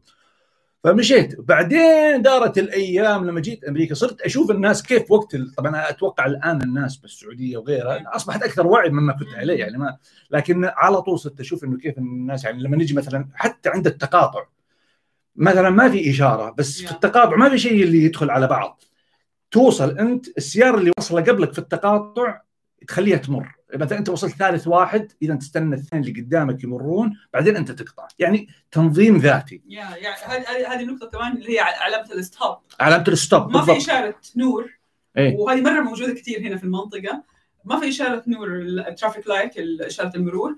فتوصل بالسيارة. الأول من اليمين اللي وصل أول هو اللي يفضل. يمشي. هو اللي يمشي. يعني مستحيل. وإذا غلطت ولا حاجة كلهم طالعوا كذا فيك إنه أنت بعد طبيعي. إيه. وما حد يعصب ما حد ينزل يدق بوري ولا شيء. يعني هذه حكاية البوري دي شبه مو موجودة معك. يعني فعليا في تنظيم ذاتي. أنا قلت جبت مثال المواقف لأنه يعني هذه نشوفها. إنه الناس تكون واقفه وخلاص. يعني نعدي. ما ما, ما نقعد نستنى. فيا في في أمور معينة هذه يعني هو في على فكرة قانون وفي ناس بتخالف القانون وكل هذه الأشياء موجوده عشان كذا يعني لما أنا وياسر الآن اديناكم مثال ما بنقصد إنه واو الناس كلها ماشية ممكن. إيه لا في بلاوي لا إحنا جايين كمان من خلفيات ممكن فيهم. في في حارة آه، أحيانا نمر من عندها آه، إذا دخلناها أنا أول شيء أتذكر آه، أتصور كأني داخل فيلم آه، حق. وهذول الناس اللي يقعدون مثلا آه، قدام كذا ويقعدوا يسوون راب وكذا فعلا يعني كأنك داخل منطقة في. الأفلام ف... طيب آه، كذا على السريع ياسر حاقرا تعليقات وإذا في أي سؤال تجاوب على السريع. مرة كثير والله الموضوع طيب. مرة مرة كثير مرة okay okay okay يلا okay. مرة. okay. مرة شوف الحين كيف حي آه، حقاطعك ما طيب حخليك خلاص تتكلم. طيب عندك بس ثانيتين. مرة أنا ما ضيعت الوقت الآن صراحة البعض خلى الموضوع على الهجرة صراع عنصري مع إنه ترامب صوت له أكثر عدد من الأقليات بتاريخ ما اعرف الناس تصوت لأسباب كثيرة، الناس تصوت فعلا في في ناس عندها أشياء شخصية، في ناس عندهم عقد شخصية يصوتوا لجلادهم، في كل كل حاجة موجودة في هذه الأرض. ال- آه، ت- تعليق سريع. الأقليات ما ما ما هو ما هو ما هو دقيق الكلام اللي أنت تقوله، أول شيء بالنسبة للأقليات اللاتينيين اللاتينيين اللي صوتوا له هو اللاتينيين الإنجيليين لأنهم هم أساسا أسرع. خلاص طيب okay اللي بعده. ما مش مشكلة هذا تفصيل يعني. okay so أنت تقول إنه مو صحيح مو مو دقيق. okay مو هو دقيق. صحيح هم صوتوا بس مو دقيق طيب. أنا عايش في تكساس مواليد أوريغون وأنا ماني متأكدة صراحة إذا أنت صادق ولا لا كاتب أوريغون آه، ودائما أشوف أغلب الولايات اللي فيها حكم جمهوري اقتصادا أفضل من الولايات اللي فيها حكم ديمقراطي وشغلهم أفضل هذا اللي شفته في تكساس هل تلاحظ هذا الشيء طبعا تكساس أنت حكمت من تكساس تقول الجمهوريين والديمقراطيين بعدين تكساس يعني تكساس ولاية النفط Yeah. يعني غنية. لكن تقيسها لا أنت تقيسها في ال ال ال الولايات اللي تعتمد على آه، إما الصناعات أو على الخدمات. يعني كاليفورنيا الآن يعني ولا آه، مثلا آه، فلوريدا. فلوريدا يقول لك كذا وكذا. لكن نيويورك okay؟ يعني نيويورك أقوى دوله نيويورك اقتصاد نيويورك قد أعتقد اقتصاد ما أدري ذاك اليوم قريت 40 دولة. okay so so, لا ما هو دقيق. بس تكساس لأنه النفط. هل تحدثتم عن عضوة الكونغرس اللي تقدم مشروع قرار العزل بايدن؟ إيه. صاحية إيه. آه هي قالت المفروض أول يوم بس لا. قدمته قدمته. okay. آه، كل واحد حر. بالتوفيق يعني. آه لأنه أمريكا سيدة العالم جوازها السائل الأول إنه إنه قال يربطنا. قال لأنه أمريكا سيدة العالم جوازها قوي رائعة شعب بسيط وتنوع آه من يثبت نفسه هناك يصل. هذه آخر جملة جدا جيدة. هل الحصول على الفيزا؟ هل الحصول على الفيز كالدراسة والزيارة سوف تكون أسهل في السفارات في الشرق الأوسط مع الإدارة الجديدة؟ ما في نعم. شيء راح يتغير نعم. المفروض. لا بس حيكون أسهل أتصور آه إلى حد ما بس ما في شيء كثير كبير راح يتغير إلا يعني الشيء الكبير راح يتغير راح يتغير مع الدول اللي كان عليها قيود أيوه صح. أكثر من الدول اللي أصلا كان ما عندهم مشكلة. هو الآن في إشكالية كوفيد. فيعني لو افترضنا أنه كوفيد مع الوقت يروح الحياة حترجع طبيعية. الهجرة okay كله بنص الدستور ينص الدستور على أنه رئيس أمريكا المحكمة العليا ينتدب ليشرف على إجراءات محاكمة الرئيس. فماذا يجب أن نتوقع؟ يحدث في محاكمة ترامب. فمن جهة هو يحاكم كرئيس يعزل ومن الجهة الأخرى المحاكمة ستتم بعد تسليط آه، تسليم السلطة. ممكن نجاوب أي اختصار؟ آه المحكمة العليا آه رئيس المحكمة العليا دوره دور إجرائي. والمحاكمة إن تمت فالهدف منها هي آه، آه، إثبات عليه آه، المادة الدستورية اللي هي ال 14 اللي تثبت عليه مخالفته للدستور وبالتالي سحب منه حق الترشح لأي منصب يعني حكومي خاضع للانتخابات. ما زال الشعب الأمريكي مؤمن بمبدأ تداول السلطة بين الحزبين وإن كان الحزب الديمقراطي الأكثر عددا أعضاءه فكل أربعة أو ثمانية سنوات آه، يأتي رئيس من الحزب الآخر وليس نفس الحزب غالبا. يا بس ما هو ما هي مديولة يعني مش مش هذا ما هو أمر آه، مثبت. لأنه آه، نذكر مثلا خلينا نحاول نتذكر رئيسين آه، ثمان سنوات. ما طبعا الآن ما حتذكر لكن لكن بالمجمل تاريخيا لا. تاريخيا آه، مثلا قبل الحزب الجمهوري لما كان في شيء اسمه حزب الويجز كان أعتقد أربع رؤساء متتاليين كلهم من نفس الحزب. وأعتقد إنه إنه تاريخيا كانوا في آه، رؤساء متتاليين يعني من نفس الحزب. يعني رئيس ثمان سنوات بعدين جاء رئيس من نفس الحزب ثمان سنوات. لكن حاليا صراحة ما ما, ما يعني مثلا مثلا آه، ريغن خدم ثمانية سنوات. فاز بعده بوش ال بوش الابن sorry بوش الأب اللي هو كان نائبه بس خدم أربع سنوات. فما كان التداول يعني قعد 12 سنة البيت الابيض تحت تحت الحزب الجمهوري آه، أحد علق قال لكن المهاجرين لهم أضرار على المستوى السياسي والاقتصادي والاجتماعي على أمريكا. فالآخر رد عليه قال له آه، المهاجرين هم أساس كندا وأمريكا. كيف لهم أضرار الدولة أساسها أقيمت على المهاجرين صح صح صح. يعني أنا هذه هذا أظن يمكن النقطة اللي كان المفروض نبدأ فيها الحديث وأنت اعتقد أشرتي لها إنه أمريكا آه، أظن عشان نلعب في كل حلقة. في ناس بتقول ليش المهاجرين يا يا. يعني هي طبعا في في جزئية مهمة لابد أن نحط في الاعتبار اللي هي أنا أعتقد سبب المشكلة.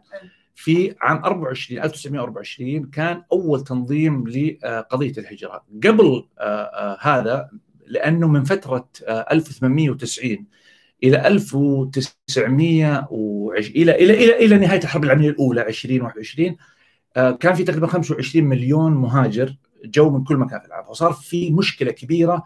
تتذكرون فيلم Gangs of New York حق آه، شو اسمه دي ديكابريو وكيف كان في نيويورك المشكلة بين أظن الإيرلنديين والهولنديين وكيف كانوا يتقاتلون. في ذيك الفترة كان في إشكالية في التوازن الديموغرافي للمهاجرين من كل مكان في العالم. فصدر هذا القانون في عام 1924 آه، اللي آه، أعتقد كان اسمه قانون جونسون. هذا القانون حدد آه، ال quotas وحدد الآلية اللي يتم فيها. هذا ركز وقتها على المهاجرين من الدول الأوروبية.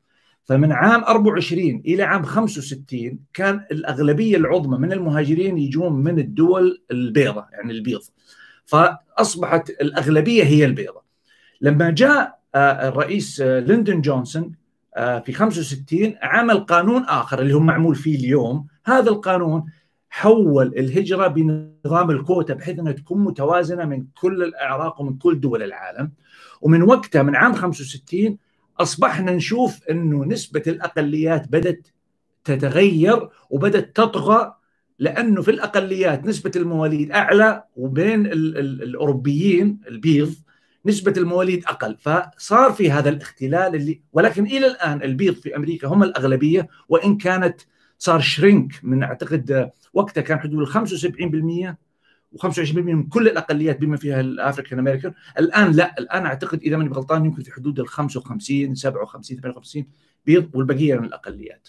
ونشوف كيف إنه في الانتخابات الأخيرة كانت أول مرة يصبحون اللاتينيين هم الأغلبية الأقلية الأكبر. في في التاريخ بينما كانوا إلى انتخابات 2016 كانوا ال African American هم الأقلية الأكبر. فال shift في التركيبة الديموغرافيه للبلاد تغيرت عبر السنوات ولكن الأساس حقها اللي في ال 24 هو اللي حول أمريكا إلى أمريكا بيضاء. بينما لو كان قانون 65 طبق في ال 24 كان اليوم نلقى أمريكا زيها زي كثير من الدول المتعددة الأعراق اللي ما يكون في أغلبية واضحة. تتوقع ممكن هذا السؤال تتوقع ممكن تصير يصير البيض يوما ما أقلية؟ على على مستوى النمو السكاني الحالي ومع مع استمرار الوتيرة الهجرة المنضبطة ولكنها مش زي حقت ترامب المنضبطة بالوفق التوازن الجمهوري الديمقراطي نعم هذا مؤكد إنه حت مع الوقت. وأعتقد فيها إحصائيات كمان أظن أنها بتتكلم أظن في كان في إذا ماني بغلطان حاجة زي, خلال 40 سنة أو 50 سنة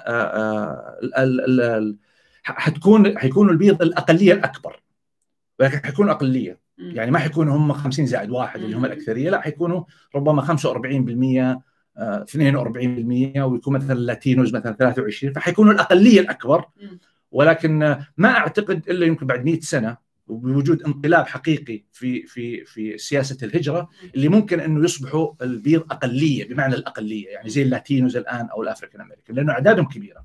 في تعليقين جوج واحد يقول إنك فخر للعرب ونتمنى لك التوفيق نتمنى لكم كاتب يعني نتمنى لنا كمان شكرا لك أخ فهد في أحد يقول إنه أشوفك مخزون من المعلومات لأنه مخزون من المعلومات أنا ما راح أقدر أسأل كل أسئلتكم اليوم والله تسلم ما تقصر. لا بس هو في مواضيع أحيانا تكون جدا تستحق إن الواحد يتوسع فيها فلذلك أتركه يتكلم براحته. طيب أعتقد انه أمريكا كانت حلم كل مهاجر ولا تزال ما تزال لا تزال. ولكن أحداث 11 سبتمبر اوجدت خيارات أخرى لمن أراد أن يهاجر مثل كندا. أعتقد إنه في كثير من الدول يعني مثل دول المغرب العربي أو أو كذا أو أفريقيا يمكن أعتقد يفضلون حتى بعض الدول يفضلون مثلا فرنسا أو كذا لأنه ولكن أمريكا هي يعني كما تحاول أن تروج لنفسها أنها يعني land of opportunities أو أو أرض الفرص وكذا.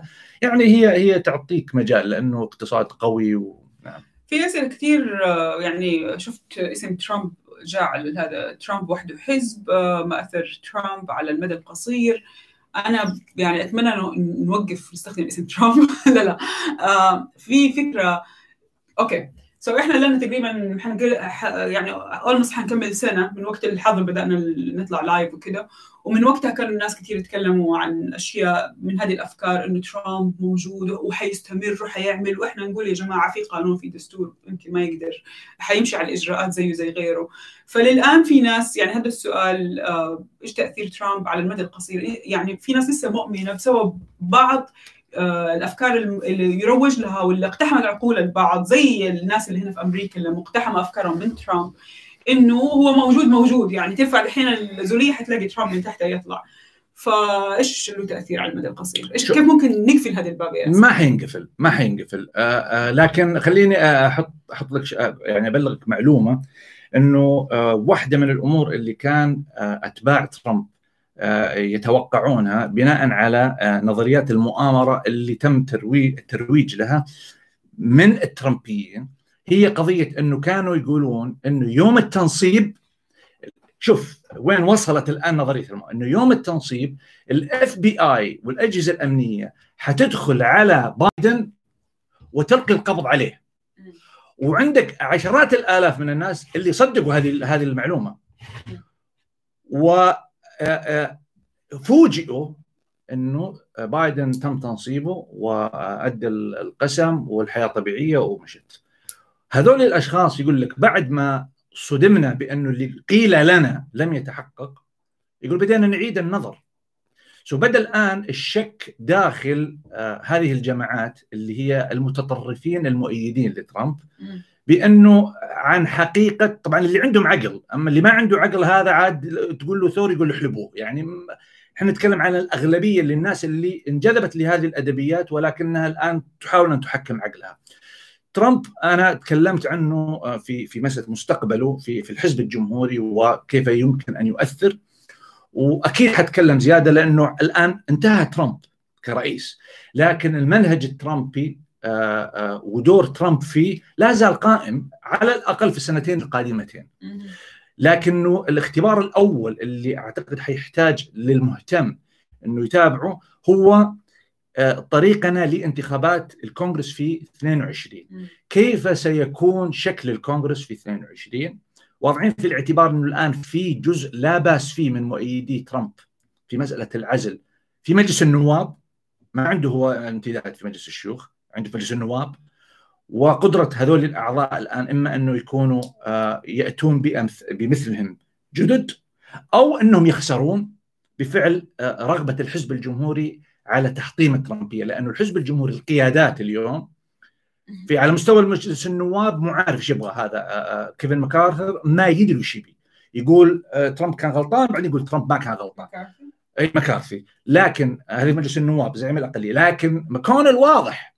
ماكونل يقول سرطان الحزب الجمهوري الآن هو ترامب يجب تحطيم الترامبية وأعتقد هذا هو اللي يجمع الآن مصلحة الحزب الديمقراطي والحزب الجمهوري في مسألة العملية السياسية القادمة. فترامب انتهى كرئيس آآ آه، آآ آه، هذا خلاص منتهي منه لكن لم ينتهي بعد لم تنتهي بعد الترامبية في الحزب الجمهوري. وأنا ترى كتبت كثير عن هذا الموضوع وحكتب إن شاء الله مستقبلا وحتكلم في بث خاص آه، الحالي حيكون وميس قاعدة تدفعني كل أسبوع أطلع الحالة أطلع الحالة فإن شاء الله أحاول بإذن الله هذا الأسبوع أطلع وربما أتوسع في هذا الجانب. نعم أتذكر هالنقطه تتوسع في هذا الجانب. إن شاء الله. شلون تتوسع هنا؟ إن شاء الله إن شاء الله. في أحد علق كمان قال إنه فكرة ترامب أو فكره موجود لكن هو زال وهذول يعني الحب من طرف واحد الله يعينهم اللي يفضلوا ماشيين بفكرة معينة وبعدين يعني هم يمكن ينجحوا يمكن لا. على فكرة أميسة أنا أنا أنا ما أتفق على إنه هذا فكر ترامب. هم سموها ترامبية لأنه هو اللي مكنها لكن هذا ما هو فكر ترامب. فكر ترامب هذا فكر اليمين. هذا فكر اليمين المحافظ okay? واليمين المحافظ جزء كبير منه مرتبط بأفكار حزب الشاي اللي بدأ في 2009 و2008 ترامب هو الواجهه بس اللي اعطى له تعرف لما يروح يسوي أوتيل؟ ناس يروحون يسوون أوتيل فخم بس يقول لك تكفى عطنا اسمك ونحط نسميه آه، أوتيل ترامب. آه brand ولا حقات الجولف اللي نشوفها في كل مكان في العالم. بعدين يقول لك ترامب مش عارف إيه. هو كذا هو رجل marketing. فهو اعطى لها ال brand آه للأفكار. ولكن هي صميمها ليست أفكاره. آه، يعني بيسأل هل تعتبر ترامب نسخة جديدة من أندرو جاكسون؟ طبعا في شفت تعليقات كذا إنه أول ما جاء بايدن شال صورة أندرو جاكسون. وطبعا أندرو جاكسون هو الأول رئيس تقريبا صار عليه impeachment أو طيب. خضع للاجراءات هل في أي تشابه بالنسبة في ناس كثير تتكلم عنه. وفي ناس كثير كمان في وودرو ويلسون. في مسألة العنصرية وكلامه العنصري وكذا يعني. وحتى قيل أول ما جاء ترامب إنه آه، آه، ترامب يعد أول رئيس عنصري بعد وودرو ويلسون، وودرو ويلسون متى؟ انتهت رئاسته في في العشرين. يعني في في في أيام الحرب العالمية الأولى في نهاية الحرب العالمية الأولى أظن. فتتكلم عن 20 سنة أو 95 96 سنة ليعود بينهم آه، ما كان في كان في رؤساء عنصريين. ها؟ 100 سنة. إيش قلت؟ يا. يا هو هو كان في العشرين وهذاك جاء في ال 17 يعني في هالحدود. فيا أنا طبعا قد عامل عنه فيديو لما انصاب ترامب بكورونا. بكورونا يا يا هو كمان انصاب وقتها بالانفلونزا آه. 1918 آه نعم الدولة العميقة أقوى الآن ولكن غدا تتغير موازين القوة. وكيف نتعامل مع القنصل في الأسئلة عند معاملة؟ لما لما الشمل لماذا تريد دخول أمريكا؟ لما يسأله لماذا تريد أمريكا دخول أمريكا. إحنا دائما نقول الصدق هو الجواب الأساسي في أمريكا يعني. أنا لو اكتشفوا كذبة تروح عليك العملية كلها. أنا أنا مع مع احترامي وبقول لكم صراحة. أي أحد يجي يناقشني سياسيا ويبدأ جملته بالدولة العميقة أنا يعني هذا على التعليق اللي قبل يا أنا كلمة الدولة العميقة هذه يعني زي لو واحد قال ترى المسؤولية هي تتحكم في أمريكا. أقول له طيب أوكي هذا امس أنت علقت على فوكس على الدولة العميقة؟ اي أنا خمس دقائق شغلت فوكس سمعت سبعة سبع مرات المذيع يتكلم عن الدولة العميقة. يعني ما أدري. طيب برأيك المؤشرات الأولية لإدارة بايدن للشرق الأوسط هل هي إيجابية أو سلبية؟ وبدأت الدول العربية تشد الحزام استعدادا لسياسات بايدن تجاه هذه الدول خاصة مع التعيينات اللي صارت آخر شيء؟ ما في مؤشرات لسه لكن من مثلا كلام كلام وزير الخارجية أنتوني بلينكن في في جلسة الاستجواب الطويلة وأنا حرصت إني أشوفها كلها لأنه هذه تحدد سياسة زي ما أنت قلت. ما ظهر شيء جديد يعني نعرف تماما إنه يبغون يعملون اتفاق النووي ولكن واضعين في عين الاعتبار المشاكل اللي صارت في الأربع سنوات. وفي مؤشرات واضحة إنه يتكلمون على إنه نبغى نعيد التفاوض بناء على ملاحظات شركائنا اللي هو قضية الأسلحة البالستية ان تكون ضمن الاتفاق وقضية التواجد الإيراني يعني المنغص للمنطقة يعني العمل في دعم الجماعات وما إلى ذلك. سو هذا شيء مؤشر إيجابي. لكن بالمقابل يعني في مؤشرات معينة يعني تبين أنه والله في ضغط من جهة أخرى. يعني مثلا في آخر أيام إدارة ترامب أعلنوا الحوثي جماعة إرهابية. والإدارة الجديدة تكلمت على أنه إحنا حنعيد النظر بهذا بهذا التصنيف. وأنا ذكرت لما صار التصنيف أو أو تكلم عن التصنيف قبل أسبوعين قلت أنه هذه حتكون مقصودة من ترامب عشان يعمل مشكلة بين إدارة بايدن والسعودية. وفعلا يعني لما تيجي الآن إدارة بايدن وتقول لا الحوثيين مو مو مو إرهابيين طيب يعني الموقف السعودي إيش حيكون؟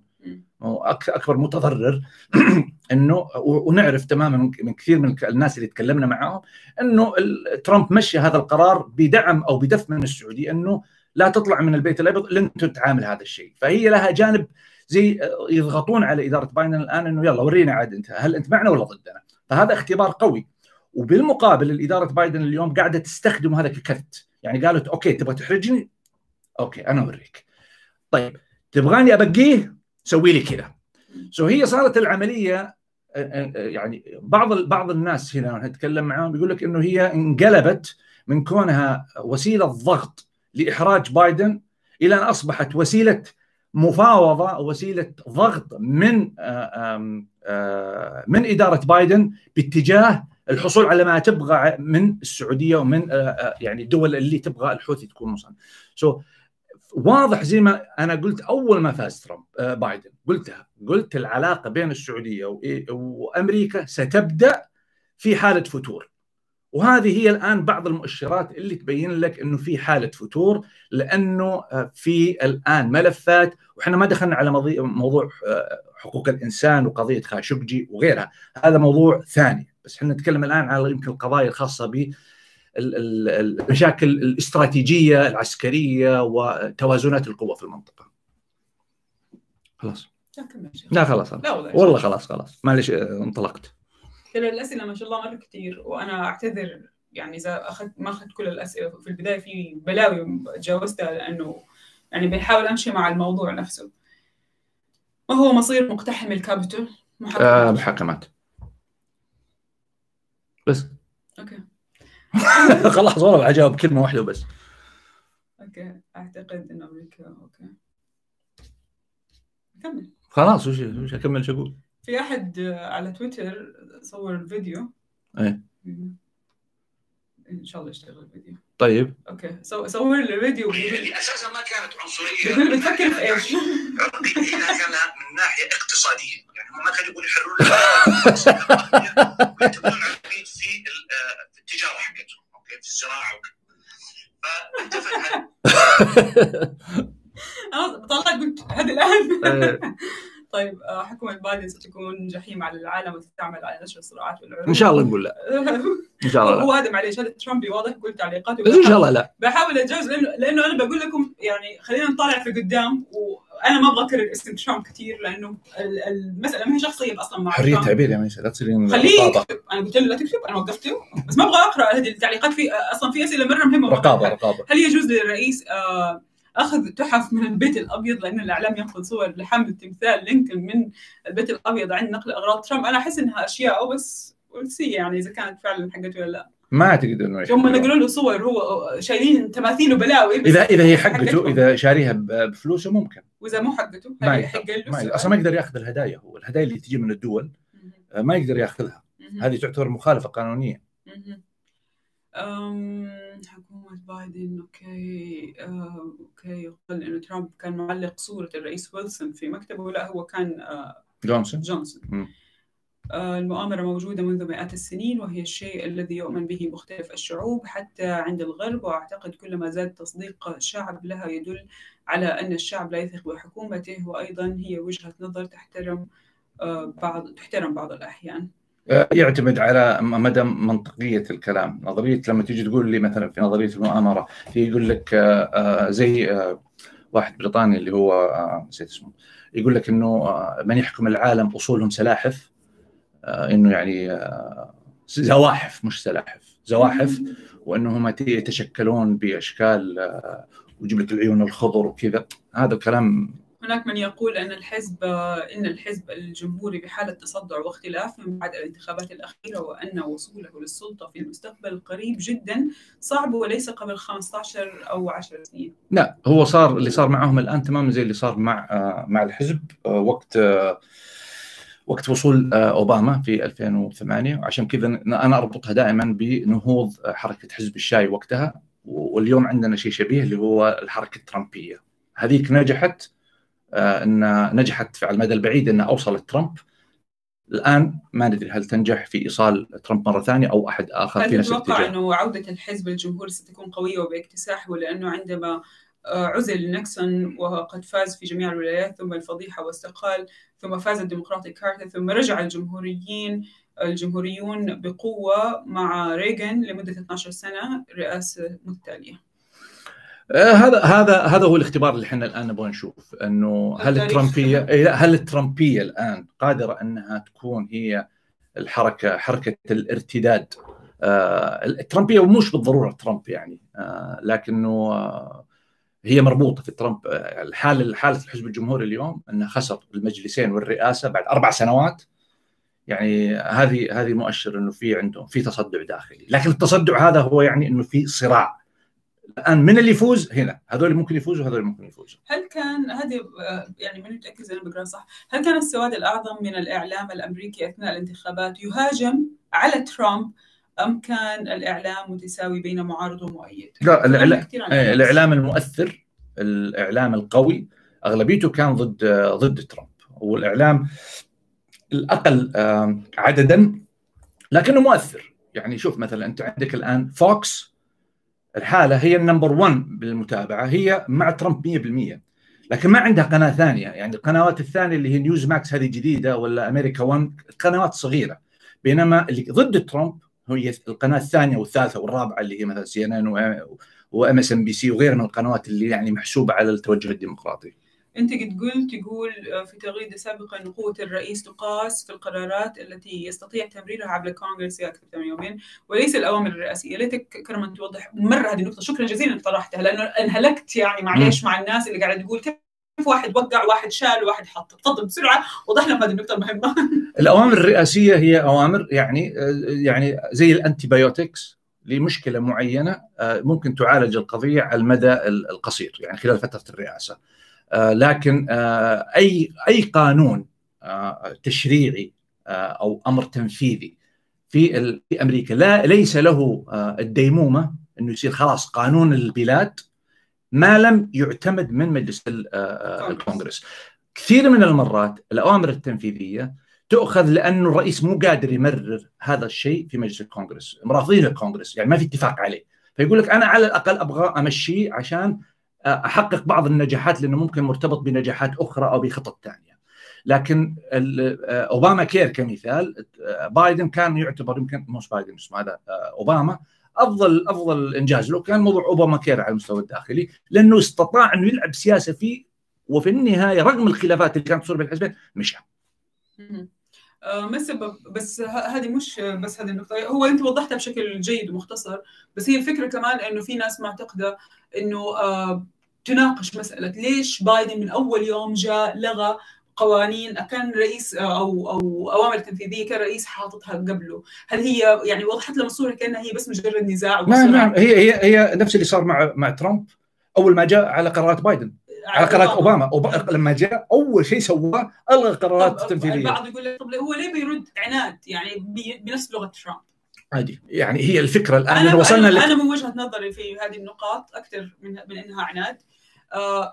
اللي سواه ترامب هو كان شوي استثنائي يعني لا بوش جمهوري قبل سوى. شيء مشابه ولا. فهو سوى حركات شوية واضحة لأنه زي ما كان في ناس كثير يقولوا اللي في قلب على اللي في قلب آه، ترامب على لسانه. فهو سوى بعض التصرفات كانت بشكل يعني عنيد وواضح. فعشان ترجع تعيد الكفة إلى توازنها وتعيد البلد عشان تعرف تمشي الخطوات القادمة أنت مضطر تشيل بعض الأوامر اللي هو سواها. زي ما هو كان عنده الحق إنه يسويها أنا كمان عندي الحق إنه أشيلها. وهو ترامب نفسه كان عارف إنه هذه الأوامر راح تنشال في أي لحظة لأنه عارف إنها هي آم، خالف تعرف. يعني هي هي مصادمة جدا. هي وجهة. هي وجهة نظره هو. ما في عليه ما عليها إجماع أو ما عليها اتفاق. يعني مثلا أول يوم جاء رجع أمريكا لاتفاقية باريس للمناخ.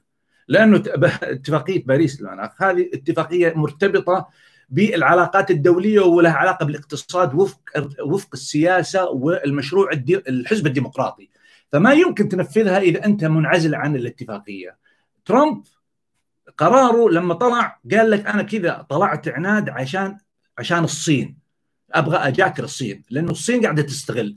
ف ال ال ال ال ال السياسة والفلسفة الاقتصادية والعلاقات الدولية بالنسبة للديمقراطيين وإدارة بايدن مرتبطة بشكل رئيسي على ملف المناخ okay؟ اللي هو يجمع زي كانت في الماضي مسألة ال- منظمة التجارة العالمية okay؟ هي أو منظمة الصحة الآن حيرجعون لها الأمريكان okay؟ والبارح كمال. إي رجعوا. البارح كاميلا هاريس تكلمت مع مع رئيس المنظمة. so ال ال ال بايدن sorry ترامب جاء بسياسة انعزالية يقول هذه لك سياسته هذه سياسته أنا أبغى أنعزل عن العالم تماما. make America great again في الداخل يبغى يرجع دي. يتقوقع. الديمقراطيين لا الديمقراطيين يقول لك America is great لما تكون everywhere واحد بطريقته نعم. ما السبب إنه المهاجرين العرب المسلمين أكثر انسجاما بالثقافة الأمريكية من انسجامهم في أوروبا أنا أعتقد في شوية فرق بين أوروبا وبين أمريكا مم. منها مثلا محافظة المحافظه في أمريكا شوية أعلى من أوروبا. إلى حد ما ولكن ما أعتقد انه بس هذه الأسباب آه، غير إنها مساحة واسعة وهم يقدروا يعيشوا باستقلالية وفي اقليات هنا عايشة بطريقة آه، يعني كنا هناك كنا في بلدها بس كمان ال- ال- الثقافة الأمريكية أصلا داخلة بيوتنا في العالم العربي لحد ما صح ونوعية المهاجرين في أوروبا غير نوعية المهاجرين المهاجرين في أوروبا إلى حد ما راحوا على الدول الاستعمارية. أكثر من صح. الناس اللي جو لأسباب آه، تعليمية أو يعني عندهم فرص مختلفة عن الفرص اللي في أوروبا أعتقد صح صح. صح صح وبعدين أوروبا كمان يعني تقدر تقول إن أغلبية أوروبا مرجعيتها واحدة بينما أمريكا قارة كبيرة ويعني أنت تروح لنبراسكا مثلا تتعامل مع الناس تختلف انك لو رحت مثلا بوسطن. يعني آه، أوكي فعلا انت لو رحت النرويج تختلف لو رحت مثلا النمسا. لكن آه، الأمريكان أعتقد يمكن يعني ما أدري. طيب أنا بصراحة كملنا الآن ساعة ونص وأنا أعتقد إنه المفروض نوقف هنا. واعتذر يعني بجد عن كل الأسئلة اللي انطرحت وما سألتها بس راح أحاول أوعدكم. راح أحاول أخذ بعض الأسئلة وأحطها للأسبوع الجاي ونطرحها من جديد عشان ما يضيع تعبكم وأسئلتكم المهمة. واللي ما حط like أرجوكم ما تنسوا دائما تحطوا like إذا عجبكم البث. شكرا جزيلا لمتابعتكم وإلى اللقاء. وأنا ما عندي أي تعليق. سلام. يوم الثلاث ما حتطلع معكم. إن شاء الله يوم الثلاث معكم. سلام. bye.